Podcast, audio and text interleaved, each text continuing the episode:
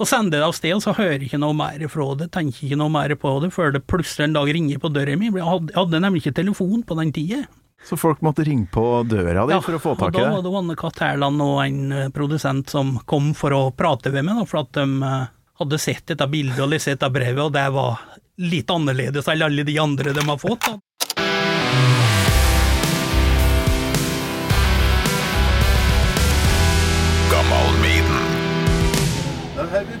Gleder meg til dette. Ja, det er Ja, som jeg skrev i det, det er jo bare nå nylig oppdaga denne her podkasten, så jeg har jo sittet og hørt på Ja. siste uken. Det- Det er ekstremt trivelig. Hørte på et par i år kveld òg. For å komme i mood. Det nærmer om eh, Jon Andreas og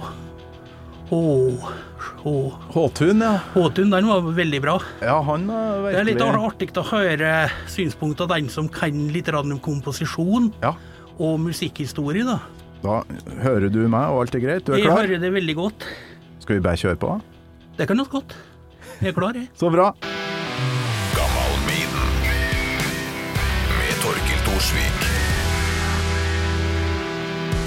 Geir Kolden, hjertelig velkommen til Gammal Maiden. Tusen hjertelig takk. Det, ja, du sa på vei inn her at du har hørt litt på Gammal Maiden i det siste. Ja, jeg oppdaga podkasten her for et eh, par måneder siden, var det vel, da TV-en min røk, så jeg måtte finne andre måter å få underholdning på, og Radio Rock er da lett å ty til. Så Og der så jeg det bra. var noe anbefalte podkast, og så Gammel Maiden, det hørtes jo interessant ut, og det var vel noe av det første jeg tenkte etter at jeg hadde hørt et par episoder, at dette burde jeg være med på.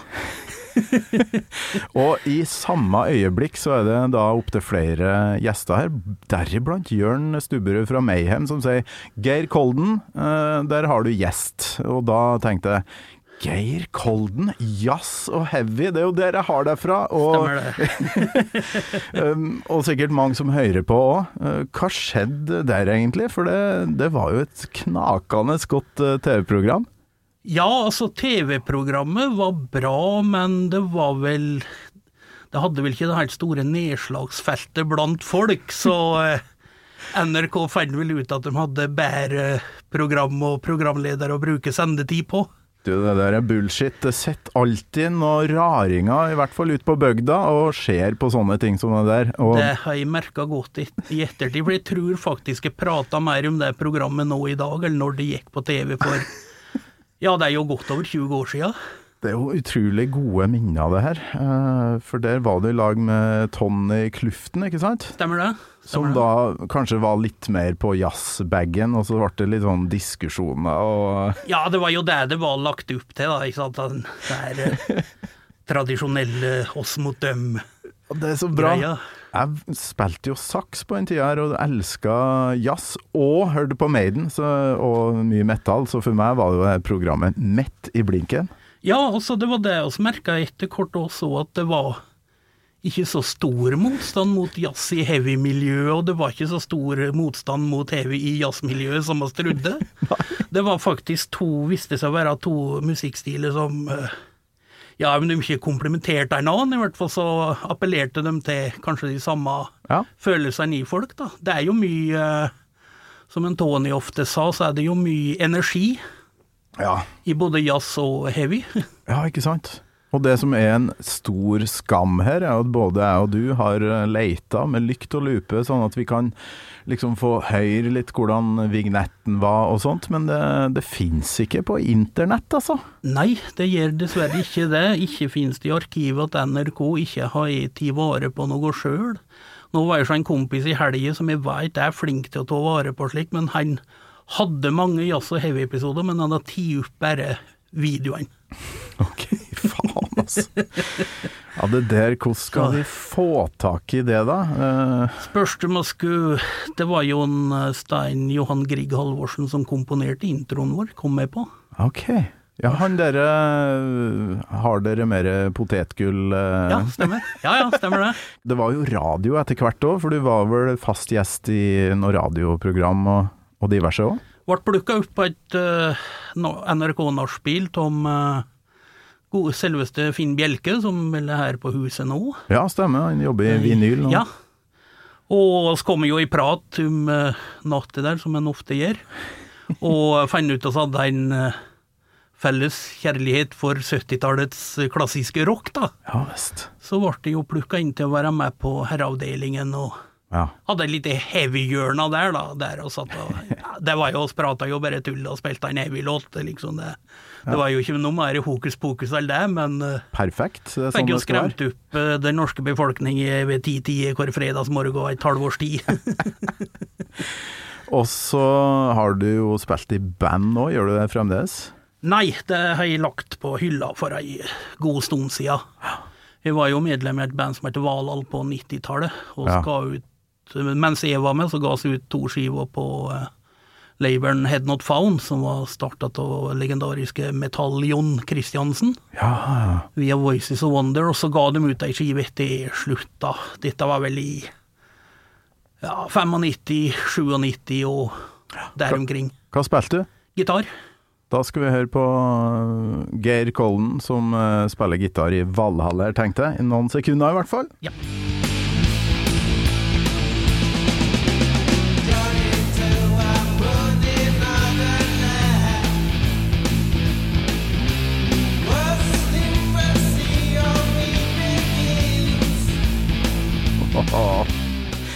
Ja, jeg er jo Ossi-fan, så jeg må jo si at uh, det her er Doom. Det er, det er, det er mye Ossi-referanser her.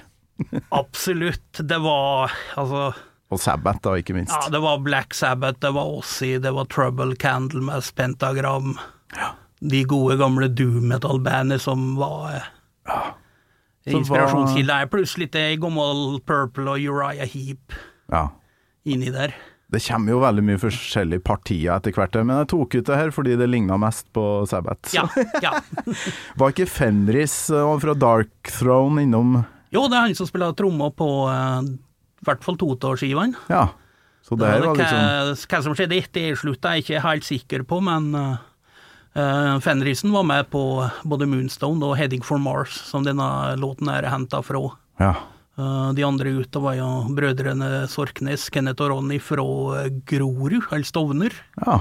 Og en som het eh, Ken Robin Olsen fra Stovner på gitar, og en Frank Wangberg på orgel. Ja. Nei, farsken, så bra. Og nå, ja, nå har vi jo gått gjennom litt av det du har holdt på med. Hvordan går det med deg nå, Geir?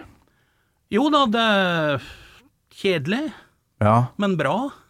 Du, du sendte meg en melding om at du måtte utsette, for det var noe koronavaksinegreier.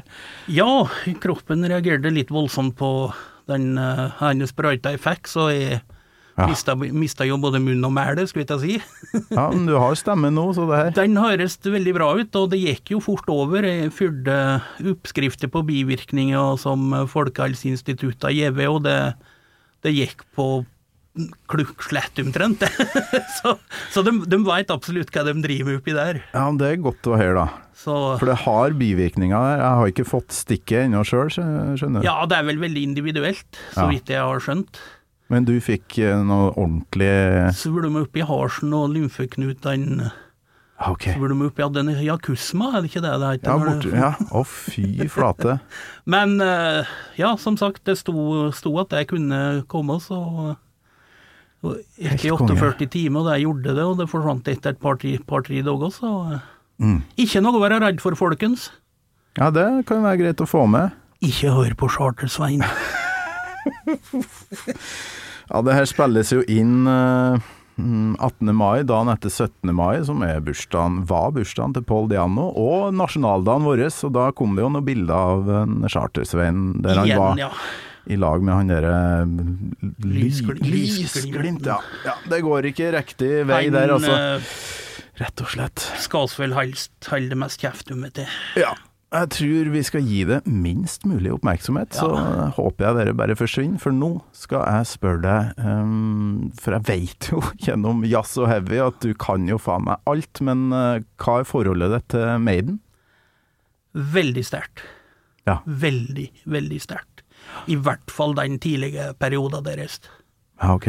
Så det slo meg, når jeg oppdaga hvor bra det var, så slo det meg hardt og kraftig, men godt. Og da snakker vi pre-Bruce, eller? Ja, da prates eh, tidlig 80-tall, og Ja. det Ja, du kommer sikkert til å spørre meg snart. Ja, stemmer. Du har da sittet og nihørt på Gammal Maiden, så du vet eh, Ja, jeg kan bare slenge på nå. Husker du da første gangen du hørte Iron Maiden? Jeg husker veldig godt første gangen jeg hørte Iron Maiden, og det var på ei ekstremt dårlig radiosending fra England. Okay. BBC Radio 1, Tommy Vans Friday Rock Show, som har vært oppe her flere ganger. Og da Jeg er litt usikker, men jeg mener at det var Women in Uniform en spilte. Ah, okay. Men som sagt, det var veldig dårlig eh, radiolinje overfra der, så eh,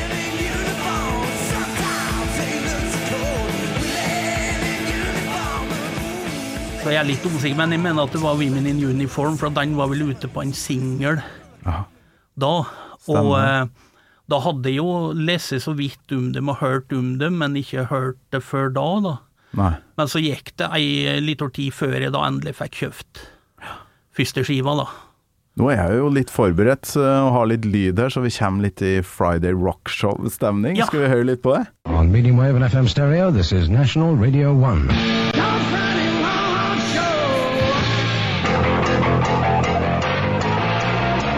Den stemmen der, den derre Den bassen er jo helt Ja. unik. Thomas Vance, the music vendor. Welcome to the Friday Rock Show. Det er nesten ikke mulig å høre hva han sier her. Men jeg tenk deg denne lyden der, da, med litt like, eh, susing, og så kommer det inn en operasanger fra Vingstre, og så kommer det inn ei dansk nyhetssending fra høyre. Så bra. Så du satt med ørene på stilk og prøvde å høre. Ja. Og så vidt jeg husker, så gikk dette programmet der i England da, fra det var 10 til det 12 fredagskveldene, vil si 11 til 1 her. ja. Og etter klokka tolv så hadde mange av disse radiostasjonene som eh, slutta å sende rundt. Så da ble det støtt litt klarere. Så da fikk du hørt litt bedre, og du, oh, ja. du fikk i hvert fall oppfatta hva det bandet spilte. Så det var noe med det, altså. Lyden ble eh, bedre hvis andre kanaler ikke sendte. Ja, det var i hvert fall Det ble ikke så mye andre kanaler som drev og sneik seg inn i bandet, da. Fy faen. Og der sitter du og hører Women in uniform! Og hvor gammel er du da? Ja, dette er vel slik ca. 1980, så da er jeg tolv år gammel, da. Ja, ok. Født i 1968. Ja, du er det, ja. Og da Hvor er du hen, da? Da er jeg hjemme i rommet mitt i Skjåk, Kalibismo i Skjåk oppe i Gudbrandsdalen, der jeg er født og oppvokst, og trakk av mine første leveår og reiv mine første gitarstrenger. Og, Så radiosignalene gikk såpass langt opp i Dalom. ja, de gjorde faktisk det, altså. Jeg hadde en liten slik eh, stereo-radio-kassettspiller, som man kunne, var vel, stilte vel inn på langbølgen av den, og så satt og skrudde seg fram. Så fant han ut av det her seint på kvelden. Utrolig Til mors store fortvilelse at han ikke gikk og la seg. Ja, for tolv år, da Det var ikke vanlig å sette til over midnatt og høre på Nei, men jeg var nok allerede på den tida så var jeg djupt inne i musikk. Jeg hadde allerede i et par år da fått mas om meg til å sitte oppe når det var nattrock på NRK utover okay. neden når de sender, og var djupt inne i musikk. Så bra at rockemusikken måtte være på natta. Ja, ikke sant? Og jeg kommer jo fra ei lang line med folkemusikere, en far som er folkemusiker, en bestefar og flere onkler, så ja. jeg måtte jo finne et eller annet i musikken, da. ja, så var det noe press da på at du liksom skulle gå litt samme vei, og så gikk du en helt annen retning, eller? Jeg ble sendt både på felekurs og trekkspillkurs, men det var ingenting som fenga. Det var, det var gitar i Vilde H, det, og det husker jeg veldig godt den dag i dag òg. Ja. Når jeg bestemte meg for at jeg ville spille gitar, det var så jeg hørte på Ungdommens radioavis på NRK, og så spilte de Smoke on the Water med Deep Purple. Da var jeg ja, Jeg kunne være slik seks-sju år gammel.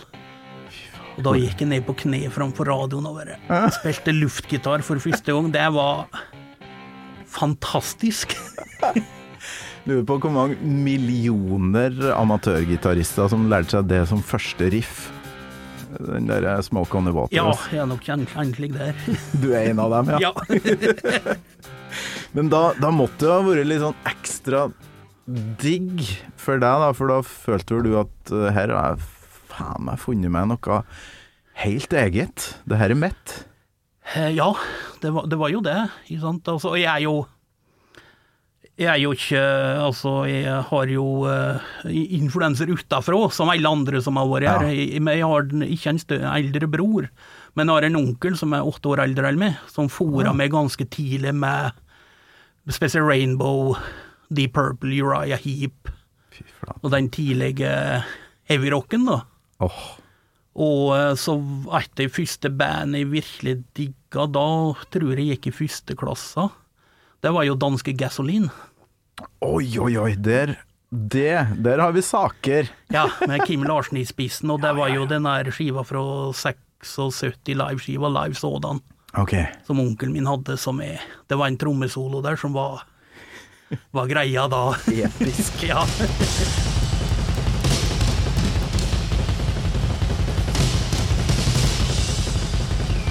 Jeg har hørt flere som er på din alder som hadde Gasoline som eh, liksom eh, inngang til rock, da. ja. Og ikke nødvendigvis Kiss, sånn som veldig mange andre. Nei, Kiss det kommer jo seinere, Ja. selvfølgelig. Mm.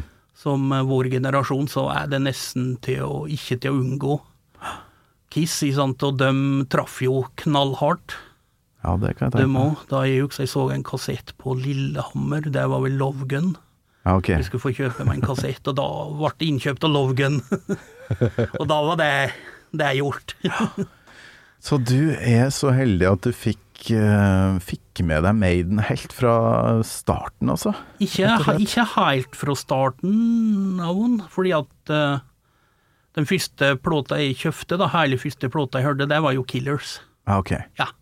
Jeg hadde, jeg hadde jeg har hørt dem på dette Friday Rock Show, men altså, du veit jo det sjøl, du kommer fra en liten plass, og så at det ikke er så lett å få tak i ting, da. Og, og det var jo ikke så mye heavyrockere i Skjåk heller. Det, det var det ikke, og ikke plasser å kjøpe kassetter på, men slik i, på slutten, jeg tror det var på slutten av 1980 så åpna det en butikk som tilhørte det lokale kraftselskapet, der de solgte forskjellige elektriske apparater, og de hadde kassette. ja, ja, ja. Så der var jeg ivrig, da. Det er som regel en sånn annen type butikk som bare har slengt inn ei kassetthylle, og så Ja. Så jeg var nå, jeg husker jeg var oppe der jeg hadde fått, dette må være høsten 81 da, jeg hadde fått uh, noen kroner fra mor i bursdagsgave, for jeg er født i september.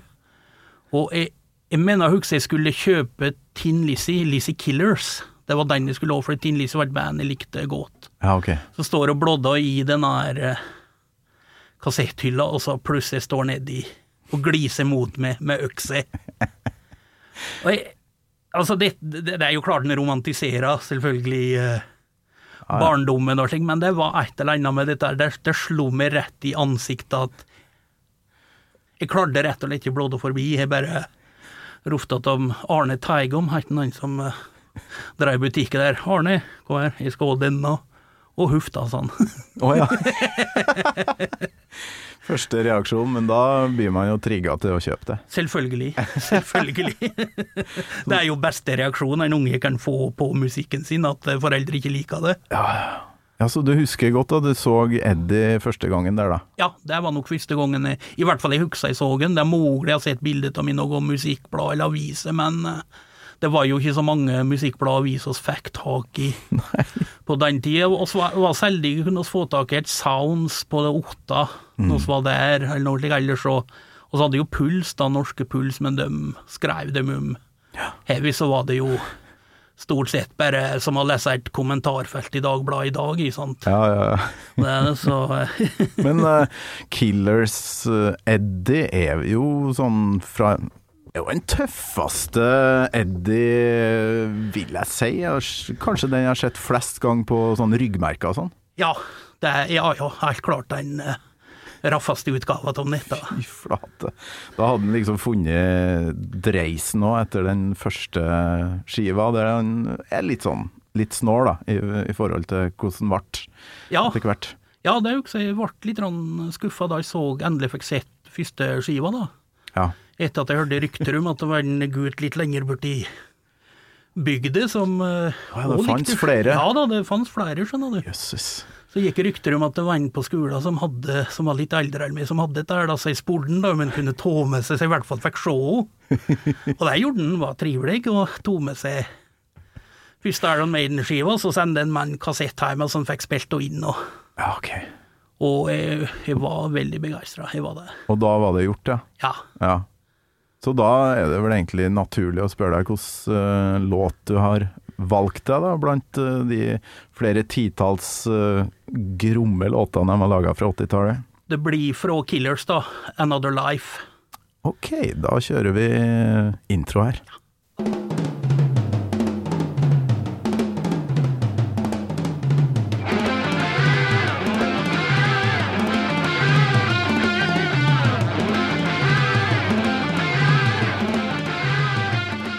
en spesiell intro, ass. Hvorfor akkurat den, Geir? Fordi at dette er låten som eh, jeg hørte da jeg virkelig oppdaga hvor bra dette bandet her var. Ok. For jeg husker når jeg hørte, hørte Killers første gangen, så eh, Altså, jeg var ikke akkurat skuffa, men det var ikke akkurat det jeg hadde forventa ut ifra coveret, da. Så hadde jeg venta noe mer brutalt. Noe, altså, det er jo hardt nok, og, men slik som Murder in the Room og Ratchild, de er kanskje ikke så umiddelbare da, å få tak i. Så jeg husker jeg satt hjemme og jeg skulle vel gjøre lekser. Det vil si sitte og stirre tomt ut i lufta mens en hører på musikk. Og, og Another Life hadde gått en gang, og så Dette var jo Og mange gitarsoloer. så jeg spola tilbake for å høre på den, og da Da satt det at det var Ja, dette er Ok, Så det her er tidspunktet på Killers der du spoler tilbake Ja, og har for, lyst til å for å høre på låten en gang til, for at der var det et eller annet. Og så kommer jo Djengis Khan rett etterpå, Ja, ja, som en instrumental, og da var det jo gjort. ja det skjønner jeg Det godt. var Men det er en spesiell låt, for det er liksom ikke Det er ikke noe refreng, det er vel ett vers som gjentas tre ganger. Ja, Så er altså, det ja. jævlig mye gitargreier. Dette oppdaga jeg sjøl nå, først nå, da jeg satt og gjorde litt research til jeg skulle være med her, at eh, det er jo faktisk bare ett vers som blir sunget tre ganger. Ja. Og uh, litt Ja, og så Veldig enkel låt til å være Steve Harris. Det er ja, etter åpningsriffet så kommer Hva jeg skriver her? Åpningsriffet, ja, så kommer vokalen, og så åpningsriffet en gang til, og så kommer det et jævlig tøft mellomspill med noe solo og så Ja, ja. Går det slik. Og, og, men det er et eller annet med drivet i låten som den får opp, Mm. som gjør at det fester seg. Og da er, Tekster bør ikke være så lange Nei, det for at en låt skal være bra. i sant? Og, Jeg syns det er så kult, den måten de eh, eksperimenterer i denne epoken. Da. De gjør så mye rare greier med låtstrukturer og sånt, og det Ja. funker. og det, er jo, det er jo tydelig en uh, Steve Harris på litt på lighting Ja. Her. Hva er det det bandet her skal bli? at du hører på forskjellet fra altså, På første skiva er jo Der hører en det kanskje enda bedre fra si låter som Prowler, Remember Tomorrow til Ja. til Phantom of the Opera. Mm. Som, i som Phantom of the Opera er jo den låten som gir litt pekepinn på hva som skal komme ja. senere år. Men samtidig så er det noe befriende godt med det. Og så synes jeg det, det er så bra med Maiden at de ikke har snudd ryggen til denne perioden. Mange band snur jo ryggen til disse tidligere periodene etter de har funnet den definerende stien sin, eksempel Def Leppard, det er sjelden du får høre dem spille noe før Pyromania, ikke sant? Ja, ja, ja. Og andre, andre band òg, men Maiden har jo støtt spilt disse tidlige låtene sine, og det er jo det som gjør bandet bra òg, at de forstår De forstår seg sjøl, rett og slett. Mm. Og så lurer jeg på hva du syns om trommeintroen, for den uh, har jeg aldri likt kjempemye. Men jeg fant uh, denne låta live etter Bruce Dickinson da, i 1982, Hammersmith, Ja. med en litt annen trommedreis som jeg liker bedre. Så skal vi se om det blir en jazz og heavy eh, debatt av det her etterpå. ja. It's a song off the Killers album. It's about a gentleman who goes up top and comes back down, has another go. It's called Another Life!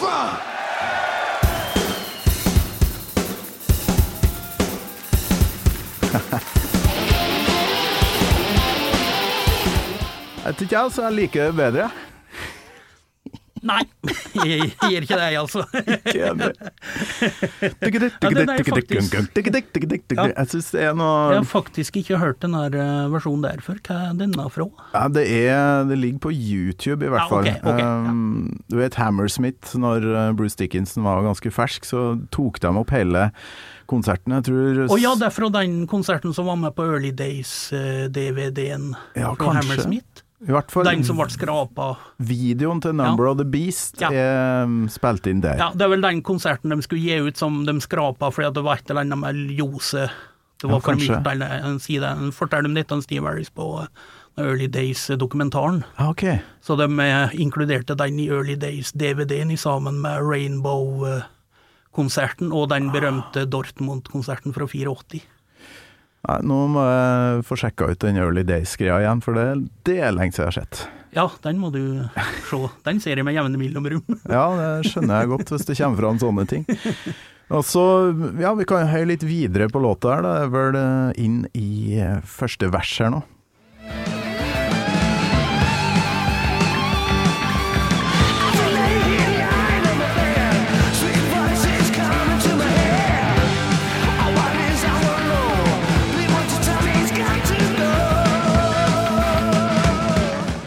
As I lay here lying on my bed. Skjønner du hva teksten handler om her, eller? Eh, nei, egentlig ikke. Men da jeg, var, da jeg hørte dette første gangen, så trodde jeg at den sang 'There's a lady lying in my bed', eller 'on my bed'. Du, det hørtes kjent ut, altså. For da eh, Det var nok det som fanga interessen min, skjønner du. Tolv år gamle Geir oppi sjokk. Og det skjønner jeg òg godt, men det lurer jeg på om jeg har gjort sjøl, altså. Og Ja, dratt den jeg var feilslutninga der. det, og det, det er jeg trodd fram til nå i dag, altså. For jeg, jeg har aldri vært slik som har studert tekster noe voldsomt. Jeg hører på dem, og jeg var så sikker på at han sang 'There's a lady lying on my bed'. Og det passa jo egentlig inn med 'Sweet Voices Coming to My Head'. Ja, ja, ja. Og hva, hva er det her? I wanna know, please won't you tell me it's got to go. Det jeg først Den tenkte skjønner jeg ikke, da. Nei, det, det jeg først tenkte når jeg leste den, er at dette er en Paul Diano som synger om seg sjøl. Ja. Men så fant jeg ut at denne låten her er jo spilt helt siden 1977.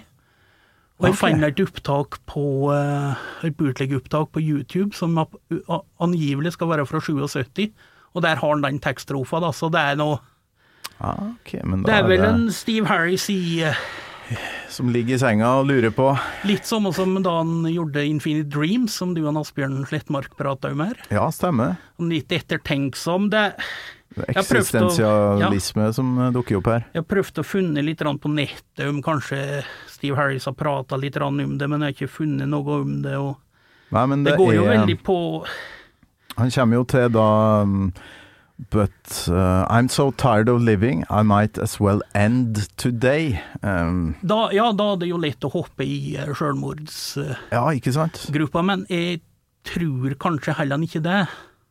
Jeg tror kanskje det er litt mer om å snu, snu livet sitt. For Ja. Hvis denne her da var gjort, spilt allerede i 77, så kan det vel tenkes at en Steve Harris har skrevet inn ganske tidlig, eller sier han har skrevet inn i 75-76, da. Mm. Så er det jo ei periode der han er litt i villrede hva som skal skje med bandet. Ja, For han finner jo ikke jo, Han finner jo Da- Dave Murray, da, som blir med, men han får jo sparken fra en vokalist seinere, og, og til slutt så står han der bare med en trommeslager og en idé, som en sier. ja, kanskje det er det, det, kan jo være at når er skriver skrevet rundt den tida. Skal jeg fortsette dette her, eller skal jeg Skal jeg bli fotballspiller isteden? Ja, ikke sant? Ja, det er et veldig godt tips faktisk på hva det her handler om. For tekster om selvmord sjølmord i musikk, det er jo sjelden veldig kult å høre på. det Ja, ikke sant? er mørkt, altså. Det, det, ja, det blir litt for mørkt og Ja. stusslig. Selvfølgelig, altså, det er jo eh, Altså, han var jo ung, og han veit jo aldri hva han tenker. Altså, det kan jo være at han ser det fra en, et annet menneskes synspunkt òg, ikke sant. Han veit jo aldri det. Mm. Ja, Steve Harris. burde nesten ha spurt en Steve Harris om dette der. skulle jo egentlig gjort det. Hva tenkte du på når du lå der i senga di, og hun dama Nei, det var ikke noe dame, nei, stemmer. Men uh, du var jo gitarist, da, så du likte jo sikkert de greiene vi skal høre på nå.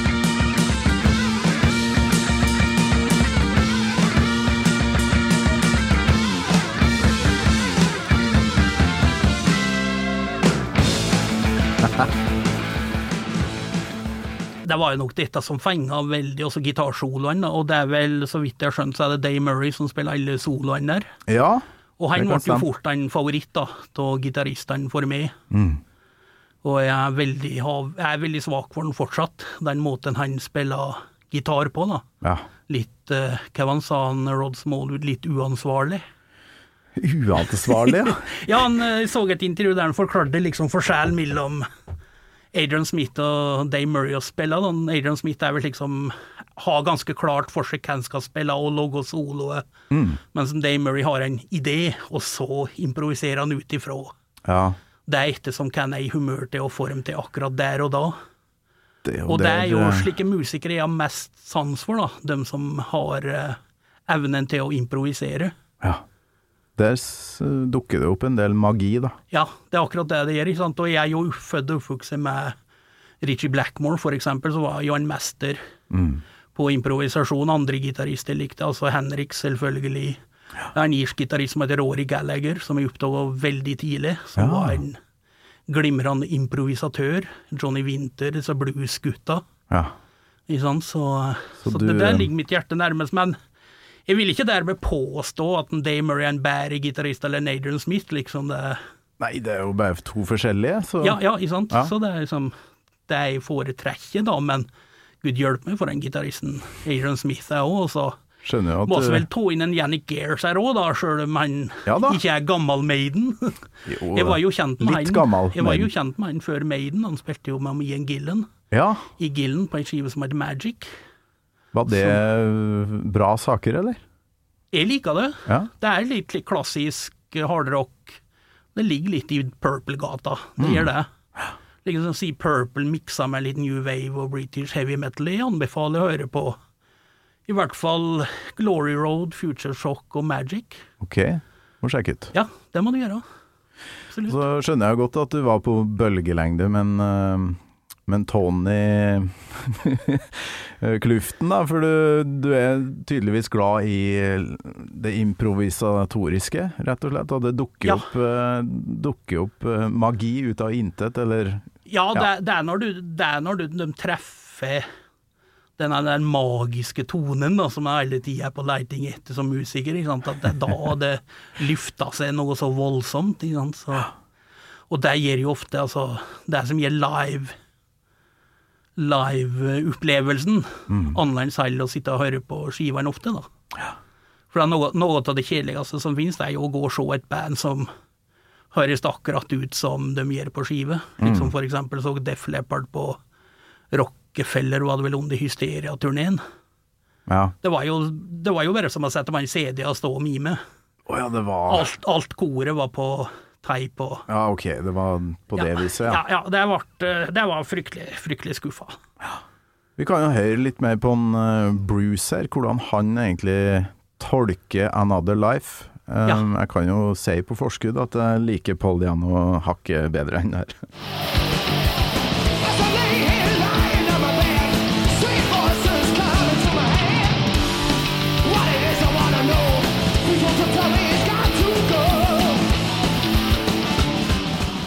Ja, nei, jeg satt og hørte på i går kveld, så så jeg den her eh, konserten fra Göteborg i 2005. Der Å, oh, ja. de jo denne ganske tidlig i settet. Ja. Og en har jo ikke samme trøkket i vokal som Paul Diano. Nei, det blir Det, det, det er jo ti, to vidt forskjellige vokalister, det er jo det. Og Paul Diano er jo mer den der eh, rock'n'roll-punk-shouteren, Ja. mens den, uh, Dickinson er jo den der klassiske heavy metal-opera-stil-vokalisten. ja. Helt fantastisk, da, men. Ja, helt fantastisk. Og de låtene han er med å skrive, eller er med å spille inn, passer jo helt utmerket. Men når du allerede har hørt Paul Diano øh, avslutte frasa med Ja. Og så får du plutselig den vibratoen i stedet for den derre shouten, da. Ja, ikke sant? Det blir, det blir jo ofte feil. Sånn Ratchild, for eksempel, det syns jeg ikke funker Nei, særlig. nei det, det, det er få av disse der Diano-låtene jeg syns funka veldig godt med Dickinson. Altså, Mm. det er ikke dårlig, men det, det mangler et eller annet der. Ja. For at de er, de er rett og slett skrevet for en annen vokalist. Så Ja, enkelt er det. og så er vi vant med Nå står vi ja. jo disse Dickinson, så ikke kast dere på PC-en riktignok enda. Nei, nei, nei. Jeg elsker Bruce Dickinson. eh, Samme her. Ja. Og apropos Dickinson, det der Det må jeg si, det klippet du spilte fra Friday Rock Show. ja. Du hører på starten der han som synger 'It's Friday Rock Show'. ja. Slik, eh, så kuriositet så kan jeg nevne altså at det er Nicky Moore som tok over som vokalist i Samson etter Bruce Dickinson. Nei. Det skulle jeg sjølsagt ha nevnt tidligere, men Det er jævlig bra nerding. Ja. Altså helt i starten, sånn at vi kan høre det Ja, på ja, nytt, ja, liksom? ja. Ok, men da kan jeg slenge på en gang til her. On medium wave and FM stereo, this is National Radio 1. Aha! Ja. Det var arvtakeren etter det, ja, det var Nikki Moore som sang da i Samson. Så utrolig kult. Det er Nå, nå snakker vi nerding her. Eh, Det her Ja, det begynner å bli, begynner å bli bra nå. Men da kommer jo spørsmålet hvor eh, Hvor ofte har du sett eh, Maiden live da, på scene? Iron Maiden har jeg sett uh, kun tre ganger. Å ja. Live. Det har jo det jeg skrevet opp her. Første gangen Drammen 1988. Seven Son. Seven Son, ja. Fair of the Dark, Spektrum 92 og Er det X-Factor, eller var det den Virtual Eleven på Sentrum Scene i 95? Eller 96? Ja, ok. En, ja. Eh, Hvilket album eh, som kom da, det aner jeg ikke. Nei, jeg lurer, på om det, var da Det var vel Virtual Eleven, det andre albumet med Blaze Bailey. Ja. Og etter det så har du ikke blitt fresta utpå, eller? Hva? Nei, jeg, altså jeg satt her og, og vrei hodet mitt og tenkte jeg må jo ha sett dem flere ganger, men tydeligvis ikke. Og det som forundra meg mest, at i hvert fall ikke var en av dagene i Spektrum i 2005 Mm. Og så dem, men det er mulig jeg har vært av sted på noe oppdrag andre plasser, altså. Ja. At det ikke har klaffa helt. Ja. Jeg må si at jeg hadde lett bytta mine øh, tre-fire Maiden-konserter i nyere tid mot den du så i Drammenshallen i 88. Det er mange som har sagt det, altså. For det, det var stort. Det vil jeg tro. Det var stort. Og eh, det showet var jævlig kult, med den iskulissene og Eddie som sto der med en liten ung- unge i jernpose som så, lå og slo, skulle ut. Ja, det er et sånn hjerte... øh, ja, en unge som skal ut av det hjertet. ja. Og det var veldig artig å høre på når du hadde en Peter Baarli her, da. Ja, for han For han, de var jo support Ja, denne kvelden der, og jeg husker etter dem de sto uh, Bjørn Müller kom fram og nå skal vi spille en låt til, og så snur han seg og så «Å, Jeg får ikke spille mer, ha det! ok, så det husker du. Ja, det husker jeg jævlig godt. For jeg mener jeg husker at de, de spilte jævlig bra den kvelden òg. Ja, folk var, sier det, ja, altså. det var jo, men det var jo spesielt å se Backstreet Girls i en så stor setting òg, da. Det kan jeg tro. Men du veit, de, de, de er jo ikke så nøye på det, disse gutta der. Peiser bare på. Jeg har vært konferansier på en del festivaler rundt omkring i Norge, rock- og hardrockfestivaler opp gjennom året. og Der kommer jo ofte band som de forlanger jeg skal ha det, den type forsterker, jeg skal ha den type monitor og slik. Ja, ja. Backstreet Girls kommer, så får de spørsmål om eh, Ja, hva til forsterker vil du ha? Nei, bare går han spiller spille på den, så er det samme for meg. Det er ikke i utstyret øh, det ligger, nemlig. Nei, det er ikke det. Det ligger mannen yep. foran der, Absolutt. som er plugga på. En liten eller en Les Paul Junior og Petter Baarli, det kan aldri gå feil. For du liker den slags òg, du er ikke bare på metallen. Nei da, jeg er veldig altetende egentlig når det kommer til musikk, og, og Backstreet Girls er jo et band som jeg oppdaga enormt tidlig. Å ja.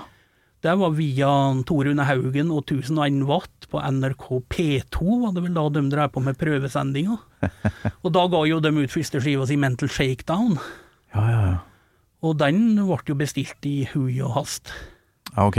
Og jeg kjente jo litt til dem da, for de hadde jo eh, som riffraff, så hadde de jo en legendarisk opptreden på NRK Sikksakk. Var det vel det het det programmet? Ja. Der en Peter eh, går fullstendig bananas i studio. Og da var han vel ikke gamle karen heller? Riffraff, da øh, Ja, når kunne det ha vært, da?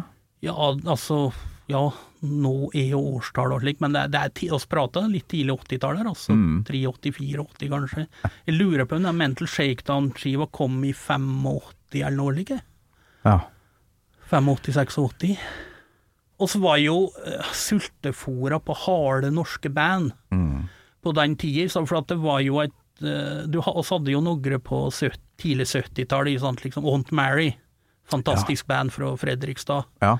Litt uh, progressivt, og så hadde vi et par skiver med Rufus, som var ganske harde. Og så hadde vi jo Flaks, da, fra her fra Oslo.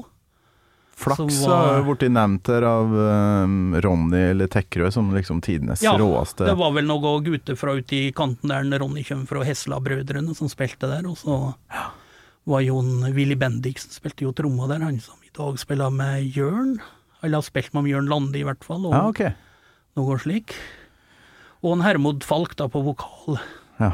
som vel i utgangspunktet er nordlending, men har bodd der i Oslo i årevis. Veldig, veldig trivelig fyr. Som du faktisk bør prate med.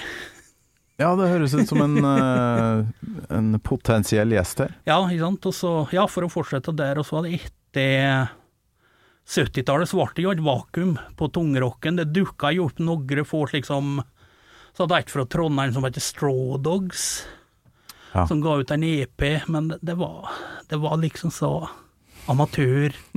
Ja, altså, det hørtes så amatør ut mot det oss var vant med fra utlandet, da, før da plutselig TNT kom da med den første skiva slik bom, uten at som hørte noe om det, så kom den, og Harley Davidson slo jo som ei kule. Ja, ja, ja.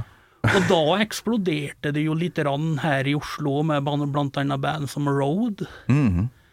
Det var det, og uh, litt seinere så eksploderte det jo ute i Østfold med Ekinox. uh, Witchhammer og ikke minst uh, Hjelp meg nå, uh, Another Return to Churchill Ja, Arch, Arch, ja. som ga ut Ja, noen altså- fabelaktige skiver på slutten av 80-tallet. Og for min del, eh, på det tidspunktet, Dream Police var vel da fra Fredrikstad. Sånn tøft sånn Ja, rockeband. ja, stemmer det. Litt like southern blues-rock. Ja, ja. drittøft. Har en singel med dem enda. Hot Legs, Yep, sikkert. sta- standing in the station waiting for Uncle Gus. Eller noe slikt. Ja, det, Og de, de driver vel på enda, de gjør de ikke det? og Spiller noen konsert i ny og ne, og, jo, de er tilbake i manesjen, de. og ifølge ryktene jeg har hørt, så er det jævlig bra, Mm. det de driver på med. Det er jo jævlig flinke folk. Ja, ja, Så- absolutt. Hva skjer da med Geir Kollen når du sitter og, og nihører på Killers? Er det rett eh, bort og få tak i resten av, eller, eller var det bare det som hadde kommet ut da, eller? Da var det bare Du måtte vente Ja, jeg på måtte vente. Og da begynte jeg å fikk tak i Kerrang, og da Ja. husker jeg det var skrevet om at Pål Janno hadde fått fyken, og de har fått inn en ny fyr som uh, heter Bruce Dickinson. Bruce Bruce fra Samson. Så altså var veldig spente på dette der, og når uh, Number of the Beast endelig kom ut, da, så var vi jo på pletten og fikk tak i med en gang, og du veit uh, Det var det beste som fantes. Altså, du, selv om du er glad i Paul Diano, så likte du godt uh, Number of the Beast? Ja, absolutt. Og eh, jeg har noe, jeg, i sånt før jeg skulle hit nå, så har jeg sittet og hørt på disse gamle skivene, og så når jeg hører første skiva, så jeg har hørt dem litt kronologisk, så altså, tenker jeg sånn sånn Ja, det er første skiva som favoritten min. Ja. Så har jeg Killers. Nei, det er noen Killers. ja. Og så har de Number of the Beast. Da. Ja, men faen, Number of the Beast det er jo en jævlig bra skive, det òg. Og så setter jeg på Peace of Mind, og så starta det med Where Eagles Dare, og da Ja, men det er jo så bra! ja, ja, ja. Går ikke an å lage den lista der, egentlig. Nei, det er, det er egentlig litt uh, Klin umulig. Det er morsomt, da. Å drive med slike lister og diskutere litt og, Ja. og slik, men uh, bra er bra, liksom. Du sa jo vel på vei inn her at du har møtt Paul Diano. Hvordan uh, Ja, han har jeg møtt eh, ved et par eh, anledninger. Første gangen var altså i eh, den 28. april, Rock the Boat Stena Line mellom Oslo og Er det Århus? Nei, aldri ja, danskebåten i hvert fall. Han spilte der. Ok. Og da var jeg konferansier. Ja, du da, var det, ja. Da. Da kom jeg i prat med meg, en veldig trivelig eh, fyr, og da hadde han roa litt på drikkinga, da, i hvert fall før konsert. Mm. Det hadde han, og jeg har ikke fått det helt til å stemme i tidslinja, men jeg mener at han spilte på lørdagen, og den lørdagen så var det FA Cup-finale i England mellom eh, Liverpool og Westham. Oh, ja. Og jeg fikk da i oppdrag sitte ved sida på scenen og følge med på kampen, slik at han kunne komme ut og høre hva det gikk, for han spilte den halve timen som kampen pågikk, da. Nei, nei, nei, nei, det var Og for den jobben så fikk jeg da ei whiskyflaske som vi delte. Ok. Så du har sittet og mm, delt ei whiskyflaske med han, eller? Ja da, ikke bare én gang. Andre gangen var på her i Oslo. Jeg var med og Jeg var ikke med og dreiv klubben, men jeg var med som en lik sjuende far i huset på noe som heter Klubb Maiden oppe i Øvre oh, ja. Vollgate. Hva i alle dager var det? Det var en uh, rockeklubb som eksisterte fra 2006 til 2008. Yes. Det var ei jente fra oppe i eh, Ja, oppe i området der du kommer fra, Hilde Hammer, oh, ja. som drev dette der, hun som dessverre er gått bort. Ja, Hilde Hammer. Klubb Maiden. Ja, og der hadde oss arrangert oss konserter da, og der fikk oss jo tak i uh, Paul Diano, dette er da oktober som året. Jøss. Og, uh, og det er så kult at da han kom ned på mailen, så kjente han meg faktisk igjen. Han gjorde det, ja. Ja da. Så der var det gjensynsglede og eh, Jepp, det var noe, ja, det var litt roligere. Han halta så voldsomt, han hadde vel skada seg på et eller annet Ok. dagen før, men eh, jeg var DJ denne kvelden. Skulle være DJ ute i baren, da. Og da etter konserten var ferdig, så slo han seg med og var DJ og delte ei flaske der òg. Oi, oi, oi. Da gikk det mye Det gikk mye Ramones. Oh, ja. Som, og det var, jo, det var jo noe av det vi bonda over første gangen òg. Altså, jeg har jo en veldig kjærlighet for uh, Ramones? Ramones. Ja. Ah, okay. Det var, det var jo det bandet som uh, gjorde at jeg første gang uh, svikta hardrocken. Da jeg oppdaga dem eh, via plåtesamling til en uh, kompis av meg, eller bror til en kompis av meg. Ja. Han hadde It's Alive, dubbel live-skive med Ramones, okay. som jeg tok med meg hjem, og så satt jeg og hørte på. var den, og så var det Nevermind the Bollocks med Sex Pistols. Ja, ok. Og jeg syns dette var så bra. Men jeg syns ikke de så bedre ut til Kiss. Så det var liksom, skal jeg slutte å digge Kiss og bli punker? Her skal jeg fortsatt holde meg i hardrock-verden, og da var jeg jo såpass ung at jeg fatta ikke det her at det går faktisk an å like Ja, mye forskjellig, så det jeg, det, vet så jeg svikta hardrocken og ble Shawks første punker. Så du var punker i sjokk? Ja da. Hanekam, eller hvordan gjorde du det? Nei, det er omtrent sveisen som jeg har nå, det er skinhead og okay. Så hadde jeg gammel dongerijakke som jeg hadde skrevet med tusj. Så hadde jeg skrevet Sex Pistols og Sham 69 og Clash og hengt på noen lenker og slik. Og, og den jakka gjemte jeg da selvsagt ute i skogen utafor hjemme, for jeg kunne ikke vise fram at jeg brukte den til mamma. Å oh, nei. Det, nei, nei. Det gikk ikke an. Og så hadde jeg to andre kompiser som slengde seg med. Ja. Og en annen var jo interessert i musikk og kjente til og var jo med og digga det. En tredje, kompisen min Oluf, han, han var ikke så veldig opptatt av musikk, så han skrev 'Kuk er gøy' på jakka si. Og i ettertid så har vi funnet ut at det var vel mer punk enn noen andre har gjort. Ja, ja, kult. Nei, dæsken, så dere bonda, du og Paul Janne, over Ramones. Har du Ja. hørt den med CJ Ramone? Jeg hadde jo han som gjest. Ja, Noe... veldig, eh, veldig fin eh, Det var koselig kar. Ja, det hørtes slik ut. Altså. Jeg, jeg hadde hørt at, at den var litt vanskelig å ha med å gjøre, men det var vel kanskje en Marky Ramone, det. Han eh, har jeg hørt noen rykter om, ja. Jeg hørte en, ja, han som var gjest der for ikke så mange uker siden, Arne Skaget. Kaptein Ja. Poon har vel spilt med han en sommer, Ja, riktig. uten å ha veksla et eneste ord med ham, var ikke det han sa? Ja, det var ikke helt sånn rock'n'roll skal være, spør du meg. Nei, det, det blir noe galt der, altså, når du blir så høy på deg sjøl at du ikke kan i hvert fall prate ved folket som spiller med deg. Altså, nå skal jeg ikke si at det var slik det var, det er slik jeg mener jeg husker henne. Ja, men du, Arne prater om sjøl på et radioprogram en gang. ja, ok.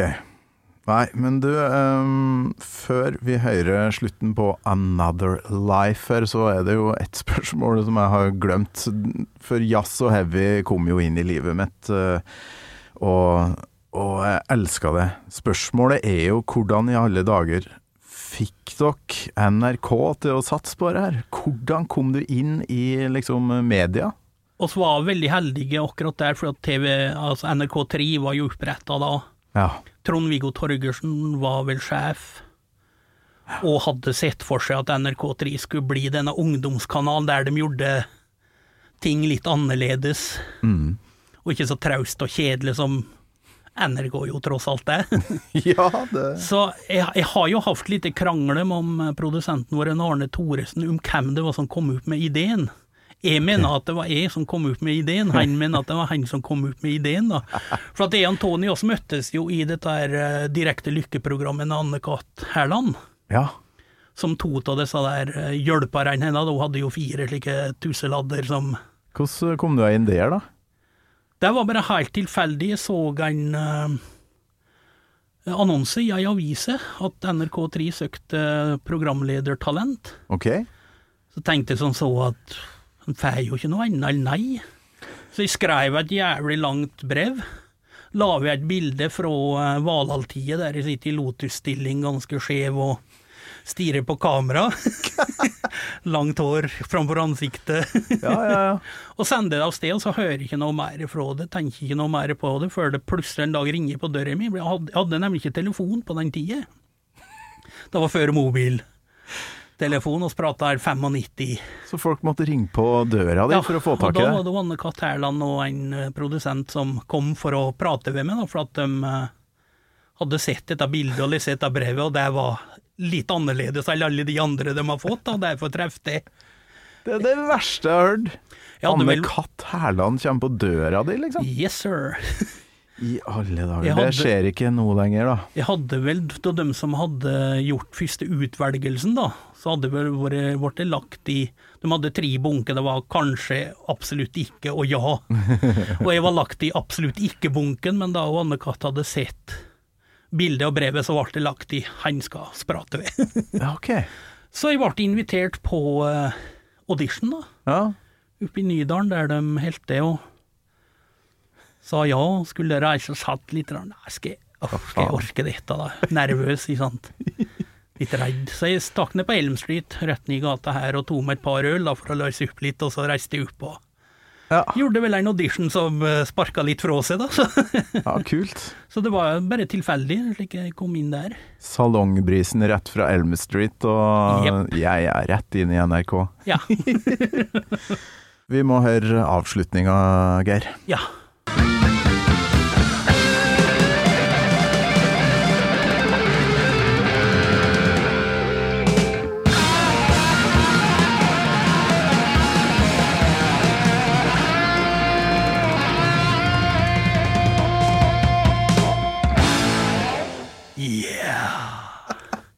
Fantastisk. Og Clive Og det er jo- Burr Det er jo slik du skal avslutte en låt. Ja, Fading effect. Ja faen, hvor kom det fra, egentlig? Ja, det lurer jeg meg på. Jeg lurer på, er det bare ei eh, Maiden-låt der det fades? 'Stranger in a Strange Det er kanskje det. Ja, Jeg jeg har ikke lagt merke til det, men det ja, du har Ja. jo den derre Det er kanskje Prophecy som har den derre oh, ja, ja, ja. Og det, det er jo greit, fordi ja, er da- gitar. ja, da, det er en klassisk. Outro, Ja. ikke sant. Det- det-. Da, er det da er det jo lov, men eh, Nei, sånn skal en låt avsluttes. Det er jo veldig Backstreet og ACDC. Ja, det er jo, Bare den hamre løs. tidlige beinen er det jo veldig, som du kan prate om her, mye punk, rock'n'roll. Ja. Jeg, jeg sier rock'n'roll, for Steve Harris er jo så uh, Vil jo ikke høre ordet punk og Maiden i sammen, ikke sant. Nei. Geir Kolden, det har vært utrolig trivelig og kjekt at du kom deg gjennom denne vaksinebivirkningene og kom deg nedover hit. Det var veldig koselig å få lov til å komme. Takk skal du ha. Takk for at du kom. Bare hyggelig. Gammal Maiden med Torkel Thorsvik. En podkast fra Radio Rock. Plus Rainbow, Metallica, Iron Maiden, Rush, and Whitesnake.